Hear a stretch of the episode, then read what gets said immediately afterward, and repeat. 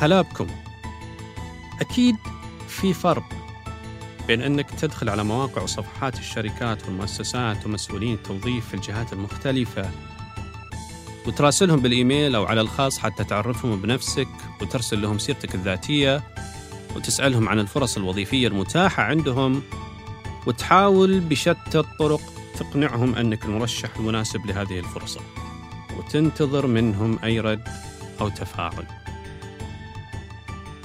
وبين أنك تصحى الصباح وتفتح لينكدين أو تويتر مثلا وتلقى فيه رسالة على الخاص من أحد جهات التوظيف المهتمة بخبرتك وتخصصاتك ومهاراتك ويقولون لك معنى شاغر وظيفي ودنا أنك تكون ضمن فريق.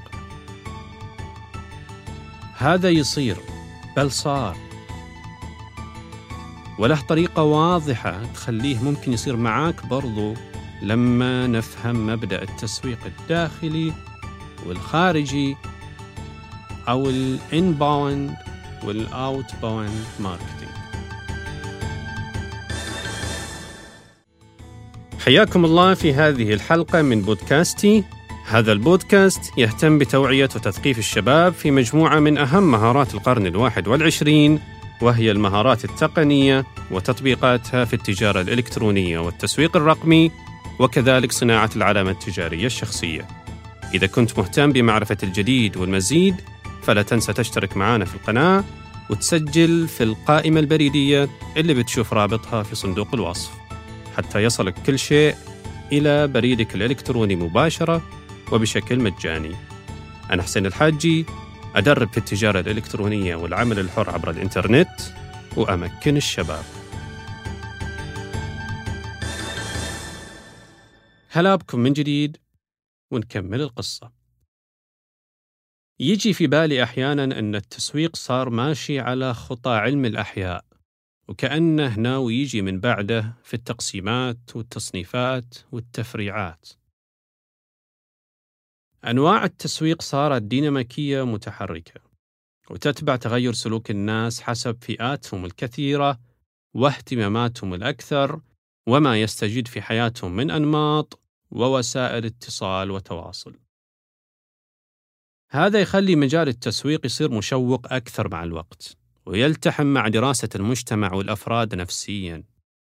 حتى ظهرت بعض المصطلحات مثل علم النفس التسويقي ومش متأكد شخصيا هل هذا مصطلح معتمد في جميع الأوساط والأبحاث الأكاديمية أو يستخدم أحيانا لتوصيف المزج بين مبادئ علم النفس وتطبيقاتها في فهم وتحليل وتوجيه سلوك المستهلكين والتأثير عليهم. عموما من ضمن المصطلحات الرائجة لدى المسوقين هو التسويق الداخلي والتسويق الخارجي وبالإنجليزية ممكن نبحث عنها باستخدام الإنباوند والأوتباوند ماركتينج. التسويق الخارجي أحيانا يسمونه أيضا التسويق الصادر وممكن نلخص فكرته في أنه يمثل التسويق التقليدي اللي هو أقرب إلى الإعلانات فقط. الإعلانات العادية المباشرة والصريحة اللي تنزل بالمنشورات المطبوعة أو مثلا في التلفزيون وحملات الترويج الإلكترونية المعروفة هي قوالب دعائية إعلانية تحمل رسالة محددة ومباشرة. منتج ماركة سعر. ويتم الاجتهاد في توصيلها للجمهور عبر أنشطة مؤقتة وهدفها مباشرة هو عمليات الشراء. ولما صار العميل يتجاهل الإعلانات المباشرة والصريحة ما وقف المسوق عاجز. بل صار المسوق يغير التكتيك إلى التسويق غير المباشر اللي صار يعرف بالتسويق الداخلي. مجموعة من الأساليب التسويقية هدفها الأساس جذب العملاء إلى العلامة التجارية بصورة غير مباشرة. هذا هو التسويق الداخلي. في هذه الحالة يعرف المسوق إيش هي احتياجات واهتمامات العملاء ويعمل على استقطابهم من خلالها. مثلا عن طريق تقديم محتوى قيم يشد انتباه العملاء ويلبي احتياج معين عندهم ويجيب على أسئلة تهمهم وقد يظهر لهم كنتيجة بحث عن معلومة لها علاقة بالمجال وربما يشجعهم على التفاعل معه ونشره. التسويق الداخلي خطة بعيدة المدى لا تعتمد على مجرد الإعلانات المباشرة في حملات الدعاية المؤقتة. بل تعمل على التماشي مع العميل تدريجيا من لما يكون خارج دائرة الوعي والاهتمام بالمنتج والخدمة إلى أن يصبح داخلها وبالتالي تحويله من شخص غريب إلى عميل محتمل إلى عميل حقيقي. هناك من يرى أن البرمجة ستكون هي أمية المستقبل بمعنى بعد فترة من الزمن إذا كان هناك من لا يعرف أساسيات البرمجة راح يكون بمثابة الشخص الأمي ويعادله في وقتنا الحالي أي شخص ما يقدر يستخدم أي نوع من أنواع الأجهزة الإلكترونية مثلا شخصيا وفي موضوع أمية المستقبل قد أستبق الأحداث وأضيف مع البرمجة أساسيات التسويق الرقمي. التسويق الآن ليس مجرد تخصص دراسي في كليات الإدارة بمرحلة البكالوريوس وتتخرج منه حتى تعمل في قسم تسويق في أي جهة. لأن التسويق الآن وأكثر من أي وقت مضى هو ممارسة حياتية، مهارة شخصية ناعمة ونشاط يومي.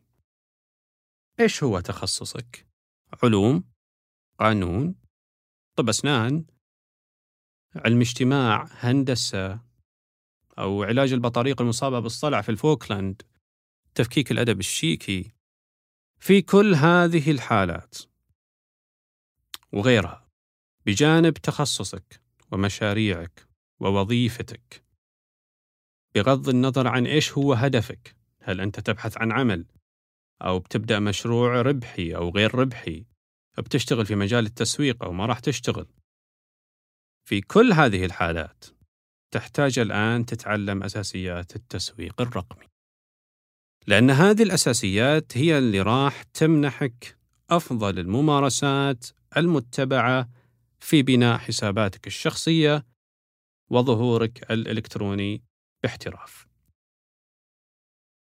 التواصل مثلا هو ممارسة يومية ونحتاجها في مختلف الأماكن والأوقات والظروف المهنية والمجتمعية وغيرها. لو نظرنا للتواصل بصفته نمط من أنماط التسويق الشخصي، بتلاحظ أنك طالما تتواصل فأنت بشكل وآخر تمارس نشاط تسويقي قد يكون مباشر أو غير مباشر. وعملية التواصل راح تترك أثر تسويقي سواء مقصود أو غير مقصود. مهارات التواصل هي في الواقع مهارات تسويقية يراد منها تشكيل صورة ذهنية جيدة عننا لدى الطرف الآخر. لأن الهدف بالأخير مشترك إيصال رسالة وترك انطباع وصنع أثر. لما يقال لك كيف تتواصل باحتراف يعني كيف تتصرف بطريقة توصل رسالتك بكفاءة وتترك عنك انطباع ممتاز وتحقق لك الأثر اللي أنت تنشده. الممارسات اللي تتبعها الشركات والمؤسسات حتى تصنع لنفسها تسويق احترافي في السوشيال ميديا مثلا وتجذب المتابعين والمهتمين ومن ثم تكسبهم كعملاء نقدر إحنا كأفراد نطبقها بشكل مبسط على حساباتنا الشخصية إذا كنا نستهدف من خلالها أننا نجذب المهتمين بمجالاتنا ومهاراتنا وخبراتنا وحتى خدماتنا. إذا كنا نقدم خدمات في مجال العمل الحر مثلا. نعم أغلب الدورات اللي راح نشوفها في الإنترنت وغيره هي تستهدف أنها تخرجك مسوق إلكتروني وتعمل في مجال التسويق وتقدم خدمة التسويق للآخرين.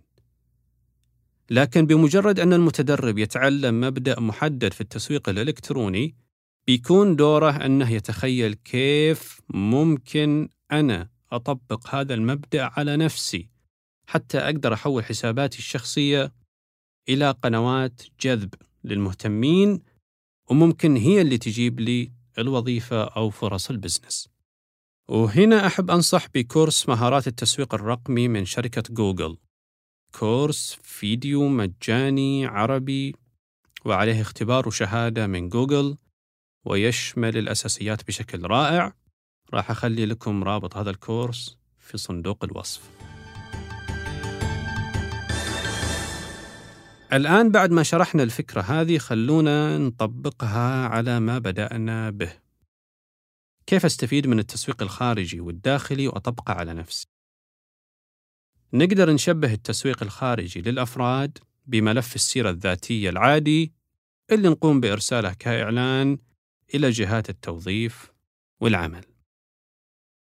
إما أنك ترسل هذا الملف بالإيميل أو ترسله مطبوع أو تعبي فورم توظيف على موقع وتجلس تنتظر منهم ردة فعل واحدة وهي الدعوة للمقابلة الشخصية وثم التوظيف وفقط. ما عندك أي شيء آخر تتوقعه. لكن في التسويق الداخلي لما تخطط على مدى بعيد وتبدأ في التخطيط والتنفيذ مبكرا وما تنتظر إلى مرحلة اللي تكون فيها محتاج فورا للوظيفة مش مثل لما تنتظر إلى مرحلة التخرج حتى تعمل السي في أو مرحلة الاستقالة من الوظيفة الحالية حتى تبدأ تبحث هنا وهناك عن فرصة بديلة وتراسل وتنتظر بالأشهر.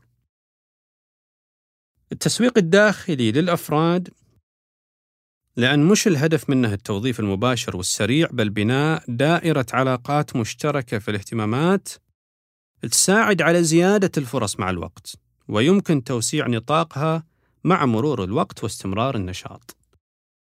فتقدر تبدأ بالتسويق الداخلي حتى وأنت على مقاعد الدراسة الجامعية إذا كنت مهتم بالمجال الوظيفي. بحيث ما تتخرج إلا ولك محتوى ودائرة علاقات تشهد على مهاراتك الشخصية في التخصص وخارج التخصص. ونفس الشيء لما تكون متخرج سواء باحث عن عمل أو على رأس عمل وتطمح لصنع قفزات في مسارك المهني. هذا النوع من التسويق يصنع لك اسم في مجالك يكون معروف لدى المهتمين وجهات التوظيف أو صناع قرار التوظيف في هذه الجهات. أو على الأقل ممكن يوصلهم لك ويعرفهم عليك بسهولة حتى لو ما كانوا يعرفونك سابقا. وبطبيعة الحال تقدر تستخدم هذا النوع من التسويق كذلك لو كنت صاحب عمل حر وبزنس شخصي حتى تجذب متابعين مهتمين بالبداية ثم تحولهم إلى عملاء.